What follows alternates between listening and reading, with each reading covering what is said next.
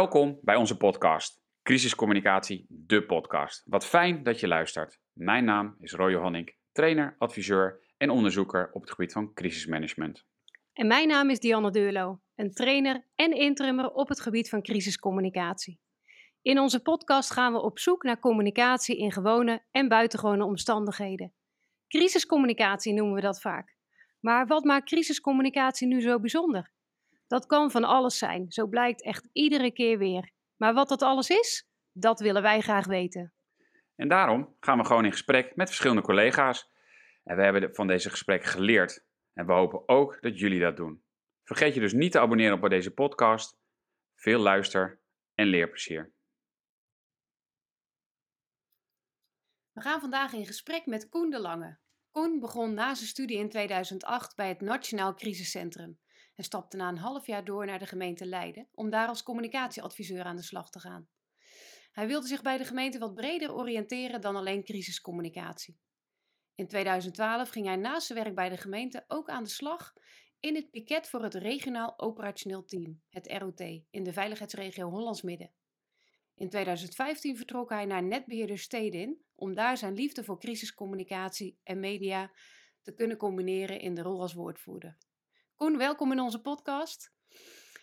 Ja, dankjewel. Leuk om te zijn hier. Wel. Ja, en, en, en een netbeheerder. Oh, ik vind dat altijd wel lastig. Want wat doet nou een netbeheerder eigenlijk? Jij kunt ons vast uh, daar meer over vertellen. Ja, we gaan een beetje het plaatje, het plaatje schetsen. Um, we kennen in Nederland een hele duidelijke afgebakende rol van een netbeheerder. Uh, de netbeheerder die is alleen maar om uh, het gas- en het elektriciteitsnet te beheren, te onderhouden, uit te breiden, vanwege de energietransitie bijvoorbeeld. Um, en dat is dus een andere taak dan de rol van de energieleverancier, zoals uh, Eneco of Vattenfall of uh, Van de Bron, zoals we die kennen. Die kennen we vaak natuurlijk omdat je daar je energiecontracten bij hebt. Daar krijg je vaak ook mails en natuurlijk facturen van. Um, maar dat is de commerciële tak. die, die zijn verantwoordelijk voor de productie van elektriciteit en, en van gas. Dat kan, uh, nou, ik zei, het kan natuurlijk vanuit een, een, traditionele centrale komen, natuurlijk ook van windmolenparken, uh, uh, zonneparken, zonnedaken. Um, en die andere, dus die gescheiden rol, is de, de scheiding van de, ja, de, rol van de netbeheerder. die is de eigenaar, dat is de eigenaar van het elektriciteit- of gasnet. En die moet zorgen dat dat fatsoenlijk werkt. Mm -hmm. um, en natuurlijk betrouwbaar, veilig is. En um, ja, dat is eigenlijk een beetje het belangrijkste. Het is dus ook weer een andere rol bijvoorbeeld dan in wat je ziet in het, uh, bij het drinkwater. Dan heb je uh, drinkwaterbedrijven, die produceren dus zelf het drinkwater, maar zijn ook weer uh, verantwoordelijk voor het transport daarvan. Dus daar zit alles in, in, in, in is gecombineerd. Maar in Nederland hebben we dus de productie van elektriciteit en gas en het, het, transporteren daarvan is duidelijk gescheiden. Ja, en jullie zijn dan um, um, de beheerder hè, van... ja. ja. Oké. Okay. En voor welke gebieden, even qua, um, ja, hoe, hoe groot uh, is uh, Stedin en welke gebieden beheren jullie? Ja, wij uh, beheren het gebied, um, zeg maar de hele provincie Zeeland, waar jij zit, Dianne. Yes. Ehm, een groot deel van Den Haag, onder andere de regio's Rotterdam, Dordrecht, maar ook Den Haag, waar ik dan zit. En dan is de volgende stap richting de provincie Utrecht, waar Roy zit. Dus uh, ja, Zeeland, Zuid-Holland, Utrecht, dat is grofweg ons, ons netgebied. Maar we hebben nog een paar exotische gebieden in Zuidoost-Friesland. hebben we nog een gastgebied. We hebben rondom Heemstede um, ook nog een gas- en elektriciteitsgebied. Dat heeft te maken met Um, Steding is een afstammeling van, van Eneco. En vroeger heeft Eneco allemaal daar gebiedjes opgekocht en overgenomen. En dat is uiteindelijk overgegaan naar Steding. Dus uh, uh, maar grofweg is het dus uh, Zuid-Holland, Utrecht, Zeeland. In andere gebieden, dus wat meer het zuiden van Nederland, daar vind je Enexis. Hmm. dat is een andere netbeheerder, maar je kent waarschijnlijk ook Liander of Alliander, is ook een bekende naam, ja. vooral regio Amsterdam. Um, en zoals het eigenlijk geregeld is, we hebben een bekende landelijke netbeheerders. Dat zijn GasUnie en Tennet. GasUnie is natuurlijk een bekende naam, maar Tennet is ook bekend van de grote hoogspanningsmasten langs de snelwegen die je ziet. En uh, zij doen dus echt de, de, de, de, ja, de snelwegen van het gas- en het elektriciteitsnet, om het zo maar te zeggen. En op een gegeven moment gaat dat over naar het regionale net. Dus dat is van Steden, Liander en Nexus. En wij transporteren het dan volgens verder naar de huizen en de ondernemers, de ondernemingen in de regio. Oké. Ehm, nou, ik ga nu misschien iets zeggen waarvan jij denkt, Dianne, hoe krijg je het uit je mond? Maar ehm, het lijkt me een beetje saai eigenlijk uh, bij Stedin uh, qua communicatie. Wat, wat kan daar nou allemaal gebeuren als we dan kijken naar crisis? Wat maakt het dan toch leuk? Ja, wij, wat, wat, uh, wat bijzonder is natuurlijk dat we een buitengewoon betrouwbaar externe gasnet hebben in, in, in Nederland. Samen met Duitsland, Denemarken spannen wij wel een beetje de, de kroon in de wereld. Het gasnet en het externetnet doen het ongeveer 99,99% van de tijd doen ze het gewoon. dus ja, stroomstoringen komen niet zo heel erg veel voor. En eigenlijk was onze taak ook een beetje saai. Hè? Dat, net wat al heel betrouwbaar is, nou, dat goed onderhouden. Dus dat, hè, dat wil je zo houden. En er gebeurde verder dus niet zoveel. We moesten af en toe zijn kabel vervangen of een station uitbouwen. Of. Maar natuurlijk met, de energietransitie moet het net gewoon ja, fors uitgebreid gaan worden. Want we zijn natuurlijk gewend aan een elektriciteitsvoorziening bijvoorbeeld vanuit, vanaf de energiecentrale die stroom produceert. En dat gaat vervolgens naar de huishoudens hebben nu een totaal omgekeerde richting. Uh, mensen gaan zelf natuurlijk ook zonne-energie opwekken thuis. Uh, er komen ook steeds meer windmolens ergens uh, langs een weg te staan. die moeten ook allemaal hun productie op het net kwijt kunnen. Dus ja, tot een paar jaar geleden was onze rol heel beperkt. Um, en nu staan we gewoon midden in de energietransitie. En dat vraagt ook voor ons als bedrijf gewoon ook een hele andere taak. We moeten ineens veel meer met mensen in overleg, met omgevingen, met gemeenten hebben we steeds meer te maken. Die maken natuurlijk allerlei eh, plannen van, ja, die hebben ook allerlei eh, regionale en lokale ambities om eh, meer duurzame opwek neer te zetten. Ja, dat moet allemaal ingepast worden op ons net. En dat zijn, is wel in één keer even heel spannend natuurlijk. Dat is totaal, een totaal een andere rol. Ik zit te luisteren en ik denk, ik kan ik dezelfde vergelijking maken met NS en ProRail? ProRail is verantwoordelijk voor het beheer van het materiaal waar de treinen op rijden. Jullie zijn verantwoordelijk voor uh, waar het gas doorheen gaat, of is dat plat? Ja, ja dat is wel een beetje, uh, wel een beetje uh, ja, hoe, je het, hoe je het kunt zien. En als, als NS ineens keer zegt van we gaan twee of drie keer zoveel treinen laten rijden, ja, dan zegt ProRail, ja, dat, dat, dat, dat is leuk dat je dat wil. maar dan moeten we ook het spoor hebben waar het, waar het op terecht kan. En dat is een beetje de, het, ja, de discussie waar we in zitten. En dat maakt ook die energietransitie dan zo interessant, omdat je op andere manieren ja. energie gaat opwekken. Ja, precies. En, en vooral voor een netbeheerder is natuurlijk heel erg ehm, de locatie belangrijk. Ik, ik, ik, ik, krijg wel eens te horen van, hè, maar jullie wisten toch van die energietransitie en van die windmolens en die zonneparken. Dat wisten jullie toch dat dat eraan zat te komen. Dus waarom hebben jullie daar het net niet op uitgebreid? Ja, uh, wij, je moet, voor ons als netbeheerder is het heel belangrijk om te weten waar precies komt, uh, komt die da dat datacenter of waar precies komen die windmolens, want dan kunnen we daar de kabels aanleggen. Uh, dat, daar zijn we bijvoorbeeld met de regionale energiestrategie, misschien heb je nou in die term al eens een keer gehoord, maar de rest, daar wordt dan heel erg bepaald van waar moeten zonnepanelen komen, waar moeten windmolens komen. Daar zijn we dus actief bij betrokken, omdat dat, dat moet aangegeven worden hè, op deze, in deze hoek uh, komen die windmolens, dan weten we ook dat we daar stations kunnen gaan bouwen en dat we daar kabels moeten gaan trekken. Maar voorheen was dat er helemaal niet. Uh, en ons, uh, het hele model, eh, netbeheerders zijn vrij streng gereguleerd. Hè? Want we zijn de monopolisten, we zijn de enige die uh, aan het extijds- en gasnet mogen zitten. Dus wij worden ook bij ons wordt streng op toegezien dat wij het net uh, betrouwbaar, betaalbaar, maar ook dus betaalbaar. Dat betekent ook dat je niet zomaar kunt gaan uitbreiden. Nee. Wij mogen eigenlijk pas ook echt, uh, ja, echt een uitbreiding gaan doen als we weten dat er een aanvraag van de windmolenpark aan zit te komen.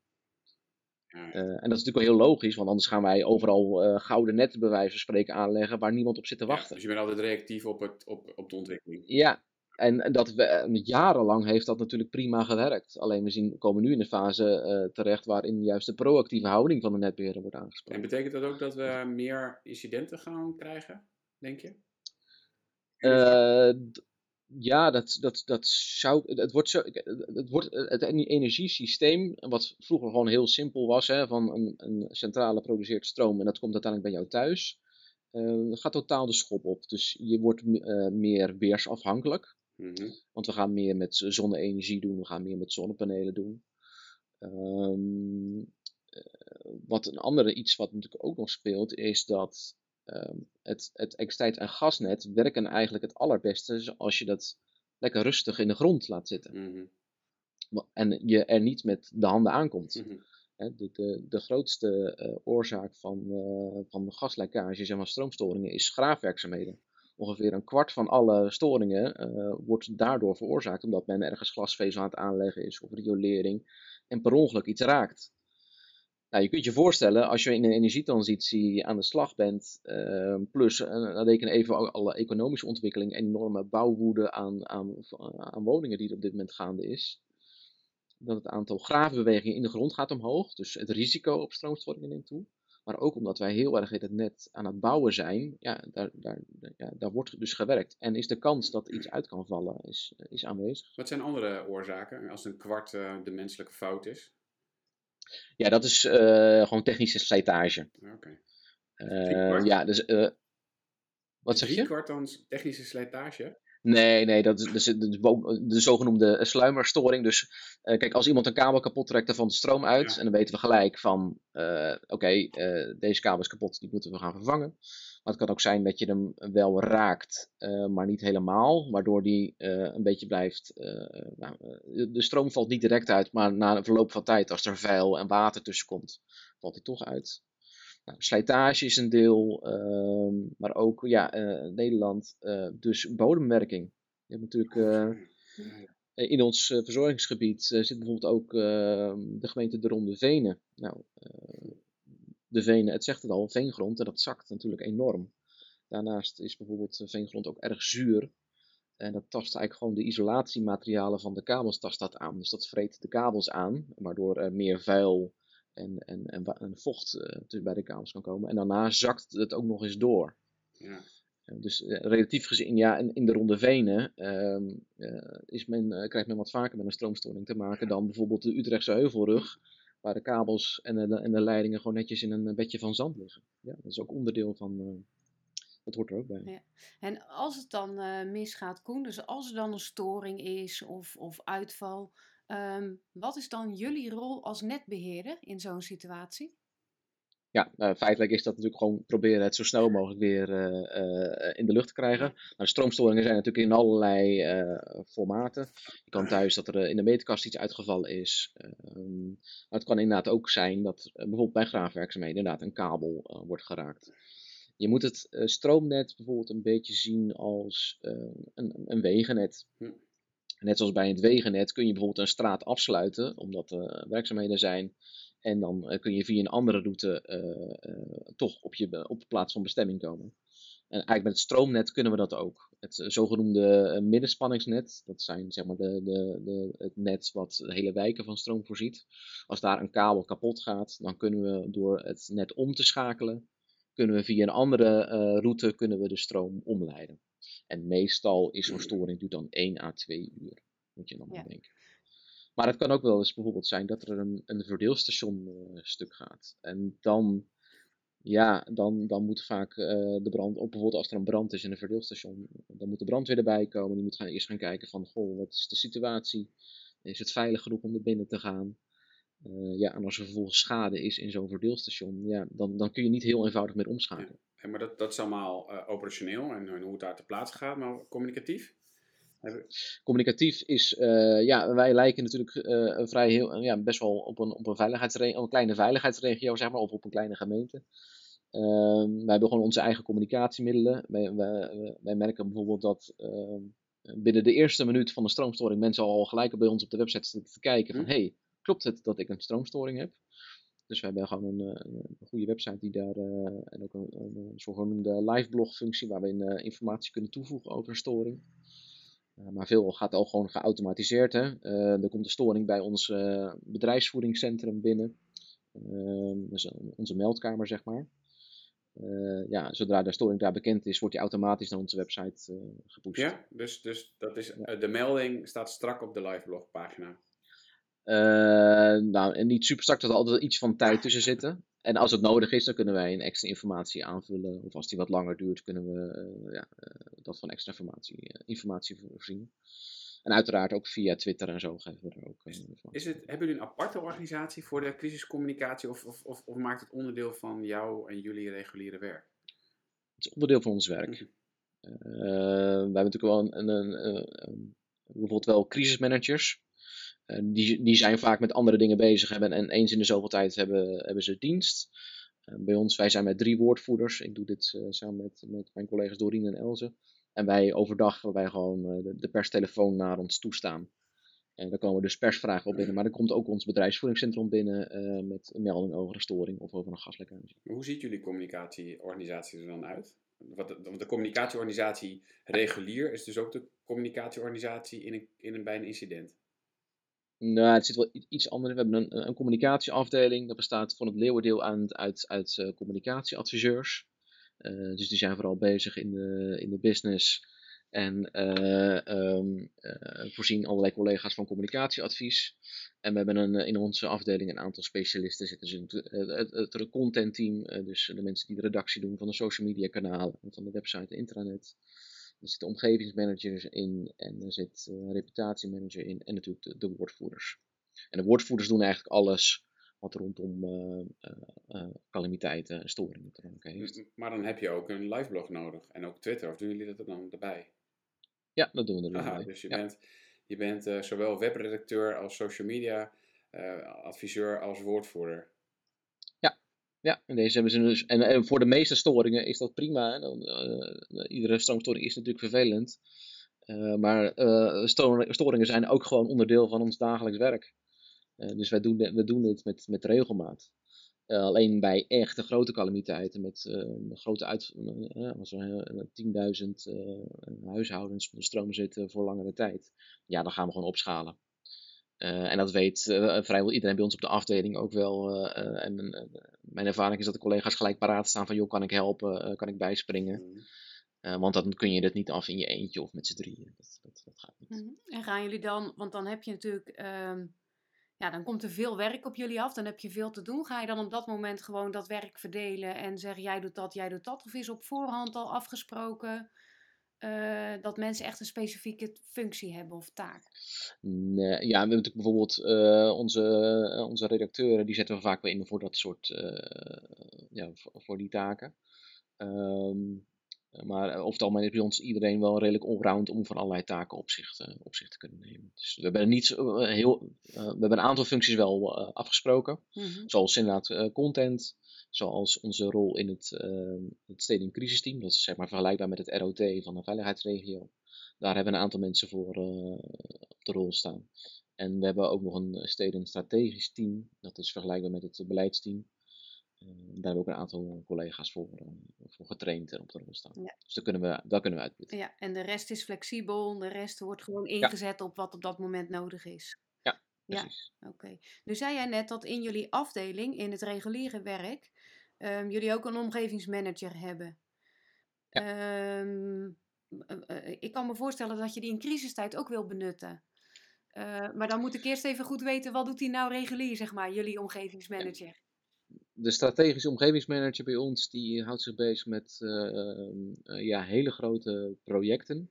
Wij moeten bijvoorbeeld hele grote verdeelstations samen met Tennet uh, gaan bouwen. En daar komt bij ook een hoop ja, bestuurlijke contacten en zo komt daarbij, komen daarbij kijken.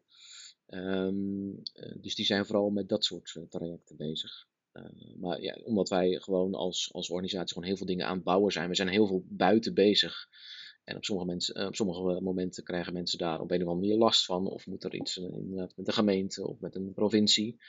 Uh, en dan komen zij daarvoor in actie. Ja, en halen zij dan ook goed um, um, naar binnen wat er dan in die omgeving speelt? Dus wat bijvoorbeeld bezwaren zijn van inwoners um, ja. of commentaar richting steden? Ha hoe halen zij dat naar binnen? Nou, niet echt in ten tijde van, van crisis. Maar ze kunnen, weten natuurlijk wel gewoon van, goh, uh, je moet deze even benaderen. Of, uh, of we hebben in, in, met deze gemeente in het verleden ook uh, zo'n calamiteit gehad. Of een, joh, en deze gevoeligheden spelen nog in die gemeente. Dus zij zijn wel daarin ook een belangrijke input voor ons. Ja. ja, dus die benut je ook in crisistijd door gewoon eens even te vragen waar moeten we op letten. Of wat heeft er al eerder gespeeld. Ja, ja, die geven ook zeker ongevraagd een advies. zeker. Ja. Um, wat, wat goed is bij, bij te vermelden is dat wij ook een, um, dat valt niet onder de afdeling communicatie, maar we hebben dan een, een afdeling klant. En daar zitten ook onze accountmanagers. En die hebben, dat zijn de reguliere aanspreekpunten voor, vanuit de gemeente. Maar dat is veelal vanuit, ehm, vanuit de energietransitie. Dus als het gaat over bouwen van stations en van trafohuisjes, dan zit dat vooral daar belegd. Hm. Ehm, bij calamiteiten en, en crisissen haken zij ook vaak aan. Ja, oké, mooi. Ehm, jij zei net ook al van ja, als we bijvoorbeeld brand hebben in zo'n verdeelstation en het is een grote brand, dan komt de brandweer er ook bij. Hè? Logisch, want zij gaan zorgen dat die brand wordt geblust. En jullie kunnen vervolgens dan weer kijken of je het, uh, of je het uh, net kunt herstellen. Um, als dat echt groot is, heb je brandweer, nou misschien nog wel meer partners erbij. Uh, misschien heeft het ook echt wel effect op de, op de inwoners van de gemeente zelf, langdurige storing. Hoe zit jullie samenwerking met een gemeente en wie communiceert dan waarover? Ja, dat is altijd een spannende, dus dat is goed om uh, nog eens te bespreken. Um, uh, ja, natuurlijk, als er, als er een hele grote storing is, dan wordt er vaak opgeschaald in de veiligheidsregio. Um, meestal, in mijn ervaring is dat meestal is tot, tot grip 2 is, is dat vaak om eigenlijk niet zozeer de, dat is meestal niet vanwege de stroomstoring zelf, maar meer vanwege de effecten die de stroomstoring met zich meebrengt. Uh, er zitten mensen vast in liften, uh, nou, dat is tot, tot daaraan toe. Maar op een gegeven moment, ja, als het lang genoeg, lang genoeg duurt. En je hebt bijvoorbeeld een medisch centrum of een ziekenhuis in het gebied zitten. Of verzorgingscentra voor, voor ouderen. Ja, als die lange tijd zonder komen te zitten. Dan is dat wel een taak voor de veiligheidsregio om dat, dat op te gaan pakken.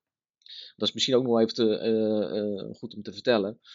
Um, we hebben natuurlijk netbeheerders in Nederland die zorgen, die het, het transport van eh, stroom en gas doen.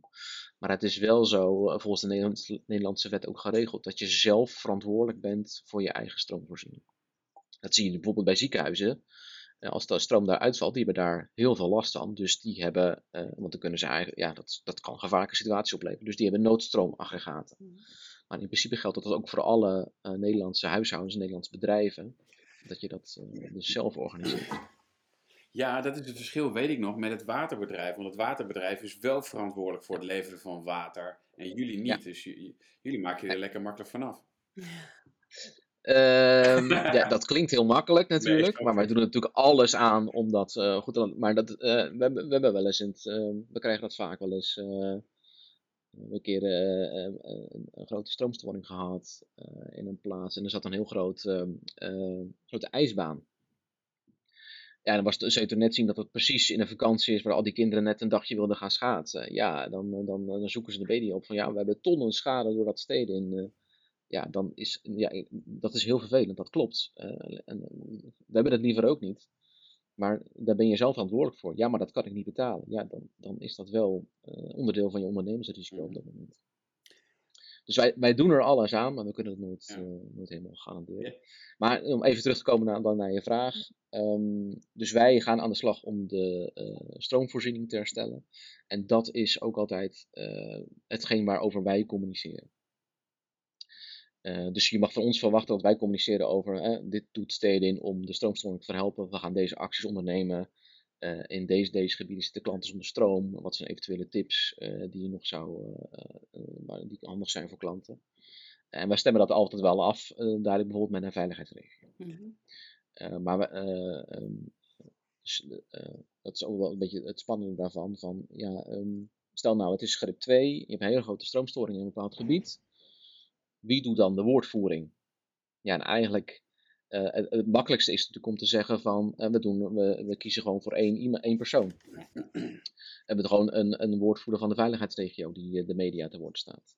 Maar media wil vaak ook heel graag weten van goh, wat, wat doet Steding nou precies om die stroomstoring te verhelpen? Ja, dan is het niet anders dan logisch dat wij die informatie uh, verschaffen. Want dat is ook de, het is onze stroomstoring, dus je mag ook voor ons verwachten dat wij die informatie geven. En, en, maar Koen, want je zei, ik heb net wel goed geluisterd volgens mij, want je zei net van ja, dat is best wel spannend, maar er is er niks spannends aan. Dat is toch helder? Je zegt van wij doen de woordvoering over de stroomstoring, zij doen de, de woordvoering uh, en de communicatie over de gevolgen van de stroomstoring. Punt. Wat, wat is het probleem dan? Uh, dat wordt toch vaak wel als spannend ervaren. Niet altijd, maar ik heb het recent nog een keer aan de hand gehad. Dat uh, toch een kopiewoordvoerder uh, zei van joh, joh, maar ik doe de woordvoering hierover. Dus ik wil, geef mij alle informatie en dan vertel ik het wel aan de media.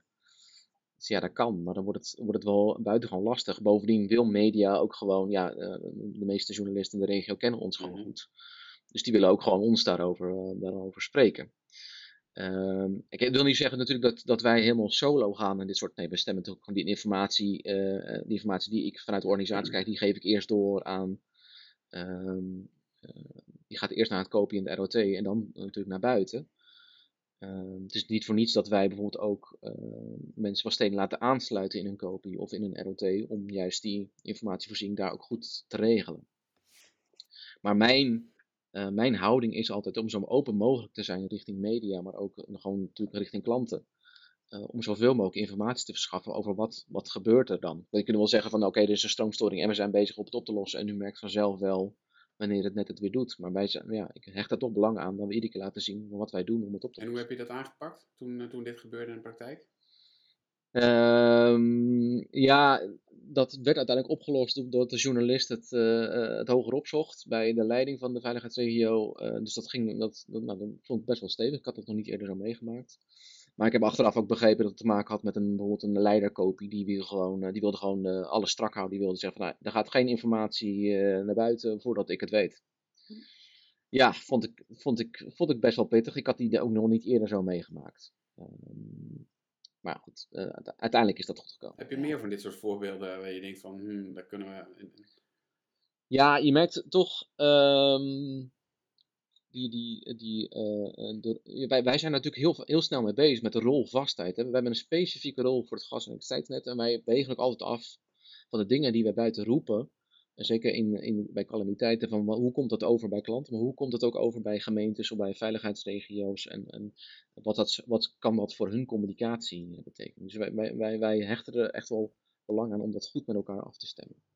Maar eh, ik merk zeker wel eens bij, eh, bij gemeentes, en die, die samenwerking gaat heel vaak goed. Ehm, maar je merkt ook wel eens dat ze soms even buiten het boekje gaan en dingen roepen waarvan ik denk van, hè, maar dat is helemaal... Eh, recent nog eh, was er een, eh, het is natuurlijk een beetje verkiezingstijd, dus daar heb je ook wel een beetje last van.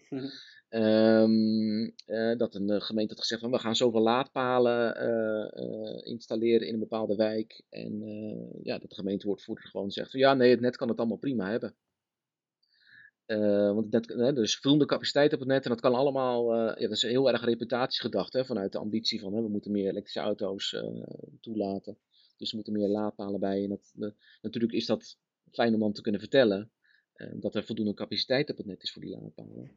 Maar dat was niet afgestemd. Eh, en dat is eigenlijk ook een. en die vraag zou eigenlijk ook door, door een netbeheerder moeten worden beantwoord. Want uiteindelijk die bepalen of er capaciteit is. Maar dat wordt dan niet afgestemd. Ik vind dat wel een beetje. Nou, ik vind dat, vind dat lastig. Dus let ook e- echt inderdaad even op je rol, op de rolvastheid. Van waar ben je nou wel van en waar ben je nou niet van. Ik heb het ook vrij recent nog meegemaakt met een, eh, een gasexplosie. Waarbij eh, drie medewerkers van ons eh, gewond raakten. Ehm, die waren bezig met een klus. En dat ging fout. En deze collega's hadden zware brandwonden. En die, werden dan met, ja, die, die zijn opgevangen door de brandweer en de ambulance diensten, diensten. En die zijn met spoed afgevoerd naar een ziekenhuis. En dat is dan, ehm, dan kom je in een heel raar proces eh, terecht. Hè? Want je bent dan de werkgever. Je wilt liefst dan de familie informeren. Maar eh, een ziekenhuis geeft absoluut geen informatie. Hè? Dat is natuurlijk heel, eh, dat is helemaal afgeschermd vanwege de privacy. Dus je- krijgt er niet veel, eh, veel van los. Ehm, en op dat moment vertelt een, de burgemeester in de bewuste plaats uitgebreid aan media over dat, dat de collega's er in, in zeer slechte toestand waren. Ja, vond ik best wel pittig om dat dan, ehm, eh, dat dan te lezen. Van ja, waarom, waarom moet zo'n burgemeester dat nou, dat nou zeggen? Ehm, ik zat nog even te denken, vroeger hadden we nog zo'n zo'n zo'n lijstje, CISOS heette dat geloof ik. Ik weet niet meer wat er allemaal, maar iets met scenario's, slachtoffers. Ik, ik, ik, weet niet of jullie het nog weten wat nou precies, waar dat lijstje precies voor stond. Maar... Ja, zeker. Wij ge- we gebruiken het nog wel in eh, trainingen. Ehm, het bekende rijtje eh, slachtoffers, met name aantallen, identiteit van slachtoffers, eh, schade, oorzaak en scenario's. En vaak zet er nog een S'je bij en dat is dan de, de, de schuldvraag of het speculeren over de schuldvraag.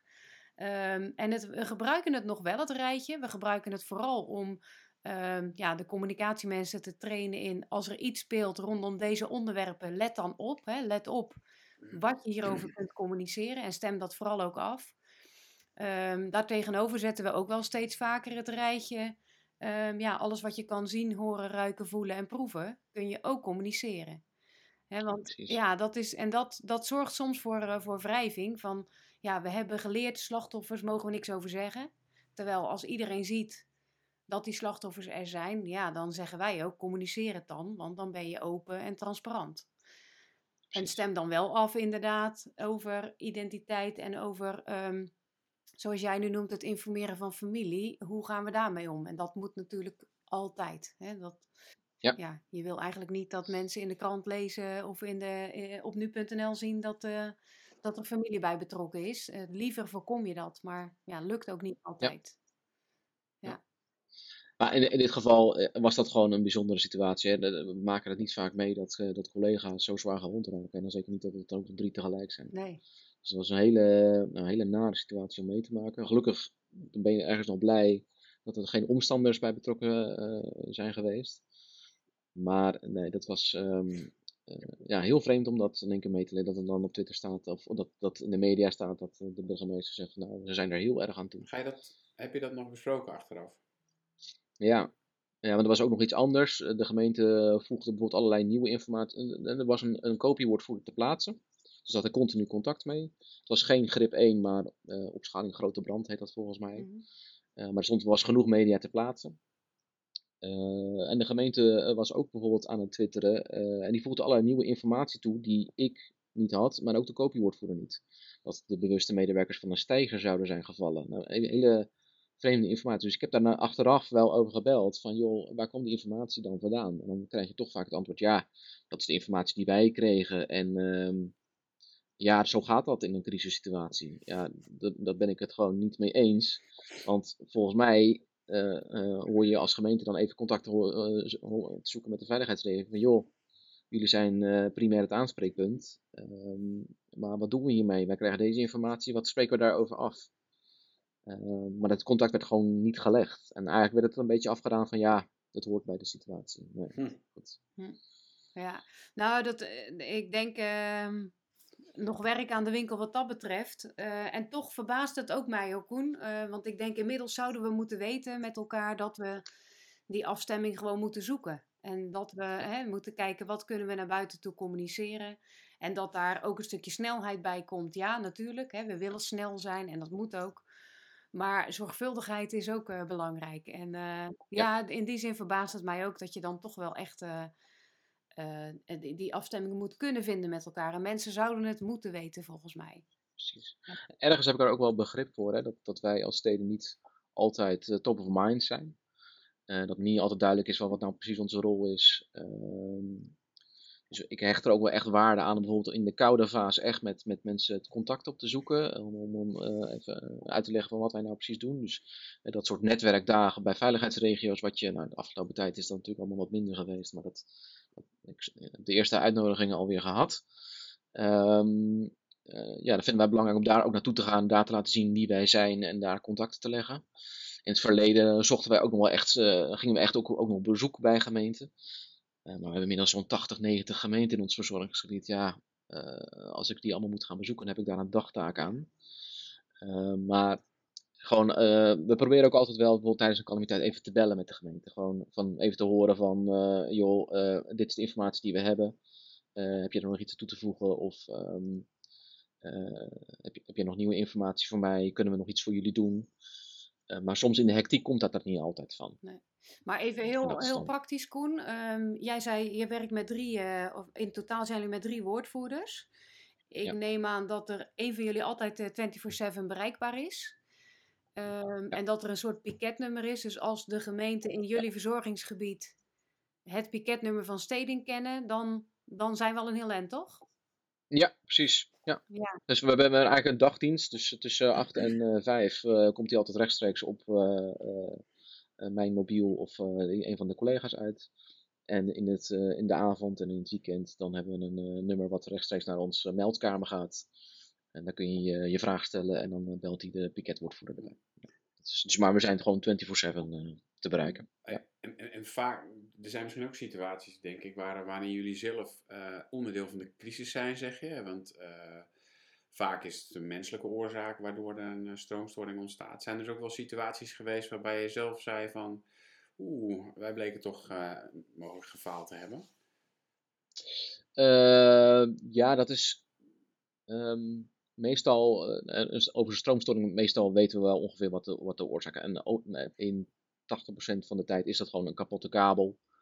Um, en dat wisselt dan, uh, is die, is die kapot gegraven of is die gewoon verouderd of versleten. Um, maar als er bijvoorbeeld echt grote schade is, bijvoorbeeld in een verdeelstation bijvoorbeeld, ja, dan moet er een onderzoek plaatsvinden en dat onderzoek duurt vaak maanden. Dus we krijgen achteraf niet helemaal altijd precies mee van wat nou precies de oorzaak is geweest. Um, maar het komt ook voor inderdaad dat, dat, uh, dat wij een fout hebben gemaakt. Uh, of um, nou, misschien een mooi, mooi, voorbeeld, het omschakelen, wat ik in het net, wat, wat ik net heb uitgelegd bij een stroomstoring. Dat kunnen we ook doen bij werkzaamheden. Dus als een kabel vernieuwd moet worden of vervangen moet worden, dan schakelen we de, de, stroomvoorziening even om op een andere kabel, zodat we rustig aan die kabel kunnen werken. Mm -hmm. Ja, soms wordt er wel eens verkeerd geschakeld, per ongeluk omdat er iets gebeurt waar we niet op hadden gerekend. Ook al hebben er uh, x aantal mensen naar gekeken. Ja, dan zit het tijdelijk even een uh, gebied uh, een paar minuten zonder stroom, maar dan kunnen we gelijk weer, gaan, gelijk weer terugschakelen. Dus ja, ja, waar mensen werken worden nou worden eenmaal fouten gemaakt. Dat, is, dat is wel zo. Ja. Er staat me nog wel één um, specifiek incident bij. Dat is wel ook weer een aantal jaar geleden in, um, in Den Haag toen met die gasexplosie. Um, Hè, er was een scheur in de gasleiding en daarna volgde natuurlijk dat onderzoek ook um, met ja, wat, wat is nou de rol ook van steding geweest en hoe was de staat van die gasleidingen, et cetera. Kun je daar nog iets over vertellen, hoe dat uh, bij jullie ook is opgepakt qua communicatie? Ja, dat was natuurlijk een, hele bijzondere calamiteit. Uh, ik had toevallig die dag zelf dienst. Ik woon ook in Den Haag, dus ik werd gebeld door ons bedrijfsvoeringscentrum van hey, er is... in het laakkwartier uh, is, is een explosie geweest. Wat, wat weten we niet. Maar nou, op dat moment hoorde ik uh, de sirenes hoor je gaan in de stad. Dus oh, dit is echt. Nou, ik keek op Omroep West en ik zag de beelden en dat zag er gewoon niet, niet, niet goed uit. Um, een pand dat volledig ingestort is. Mensen ontredderen op straat die proberen uit de brokstukken mensen te halen. Het zag er heel onwezenlijk, onwezenlijk uit. En eigenlijk wat er dan gebeurt is een soort, dat er een soort veiligheidsoperatie starten. En dat is eigenlijk niet ons feestje als steding zijn. Op dat moment weten we helemaal niet hoe die explosie is ontstaan. Um, er was heel veel betrokkenheid vanuit politie. Uh, uh, even goed om te zeggen, dit, dit was in de Jan van der Heidenstraat. Dat is op steenworp afstand van de Anteunisstraat. En dat is ooit waar de, de Hofstadgroep zat. Met nou, misschien beelden van uh, sluipschutters op de daken en het gooien van de handgranaat. Is daar, dat zijn bekende beelden uit die tijd. Ja ik dacht 2004 ongeveer. Het was, uh, die explosie was in januari, uh, eind januari. Dus het was ook nog met uh, het jaar door dat we nog gewoon massaal vuurwerk afstaken. Dus was misschien ook nog iets met vuurwerk geweest. dat kon ook nog. Dus er waren allerlei scenario's. Maar op dat moment is de focus natuurlijk, er zitten mensen in dat ingestorte pand, die moeten eruit. dus dat is een enorme veiligheidsoperatie.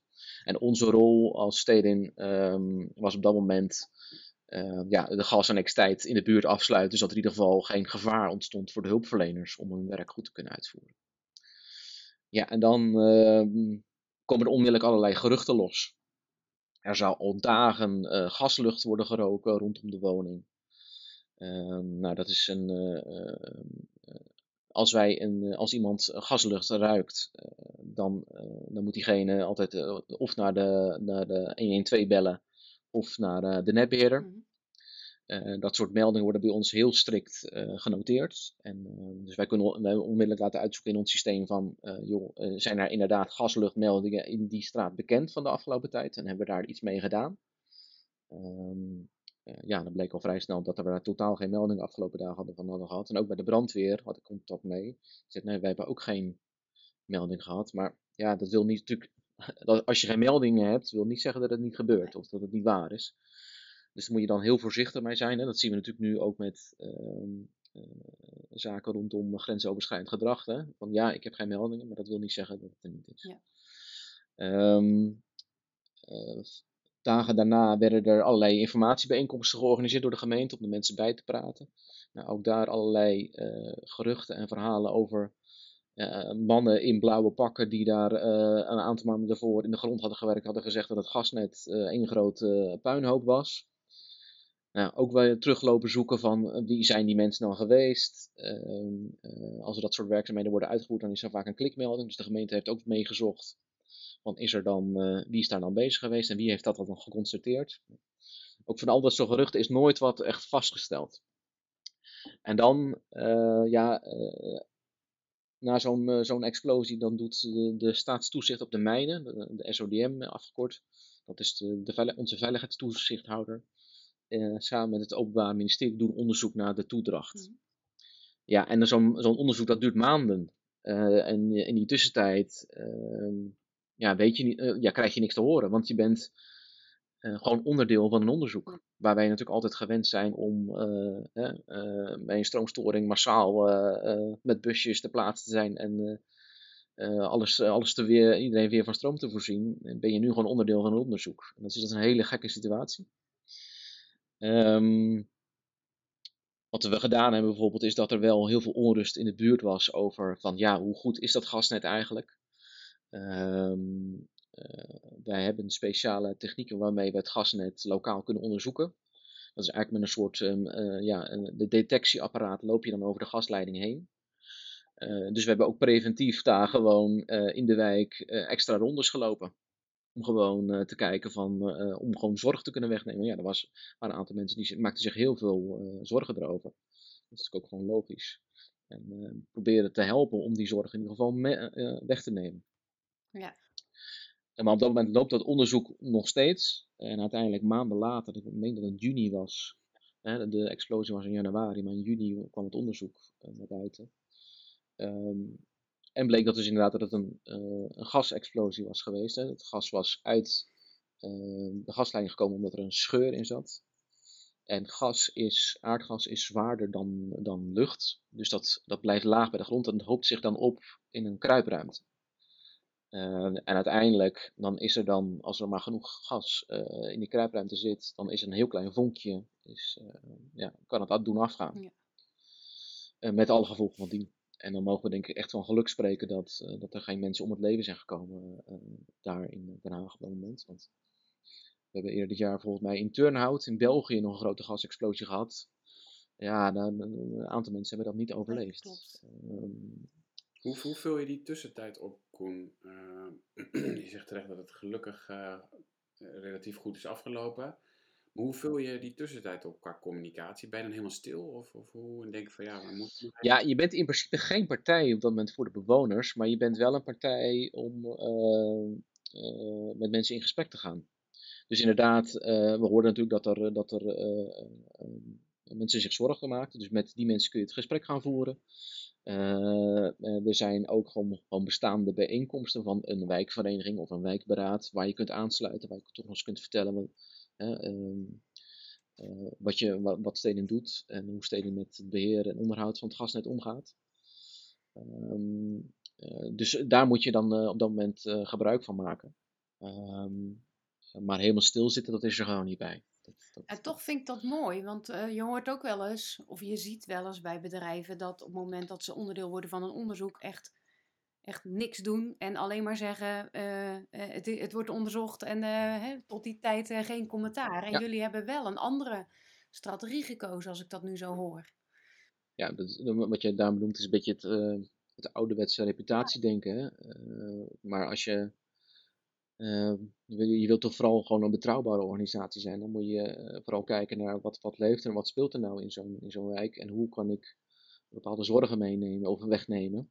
En hoe kan ik mijn verantwoordelijkheid, uh, verantwoordelijkheid pakken. Ja. En... Want uiteindelijk komt dat onderzoek dan naar buiten. Hè, en dan zegt het Openbaar Ministerie, ja, het komt voort uit een gasexplosie.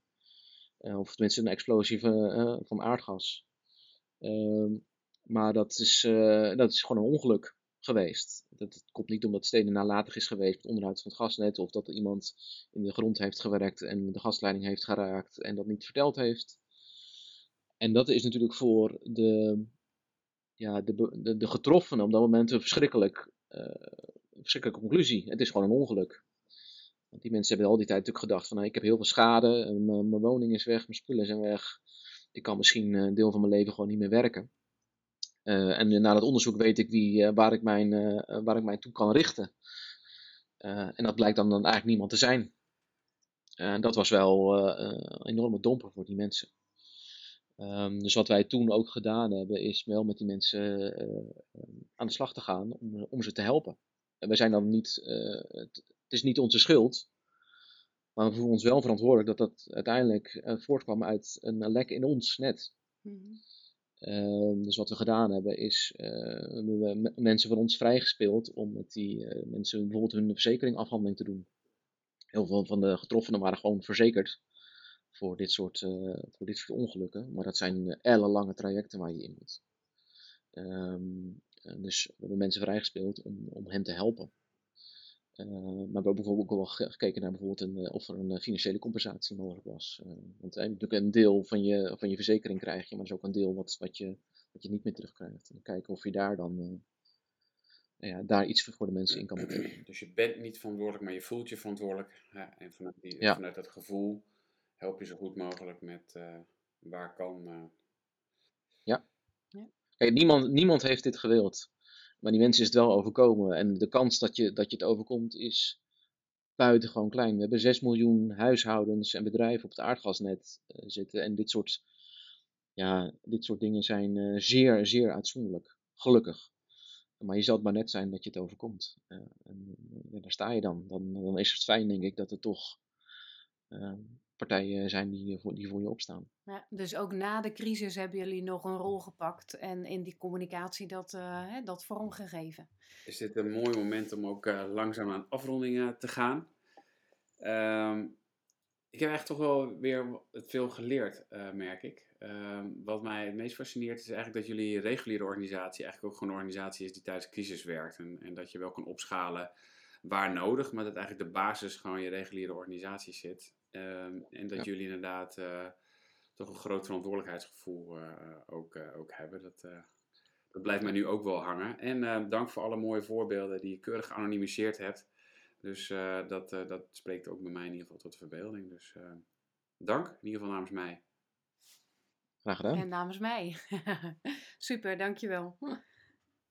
Bedankt voor het luisteren. Wil je meer horen van onze zoektocht naar wat crisiscommunicatie zo bijzonder maakt? Vergeet je dan niet te abonneren op onze podcast. Tot een volgende keer. En delen, dat mag uiteraard.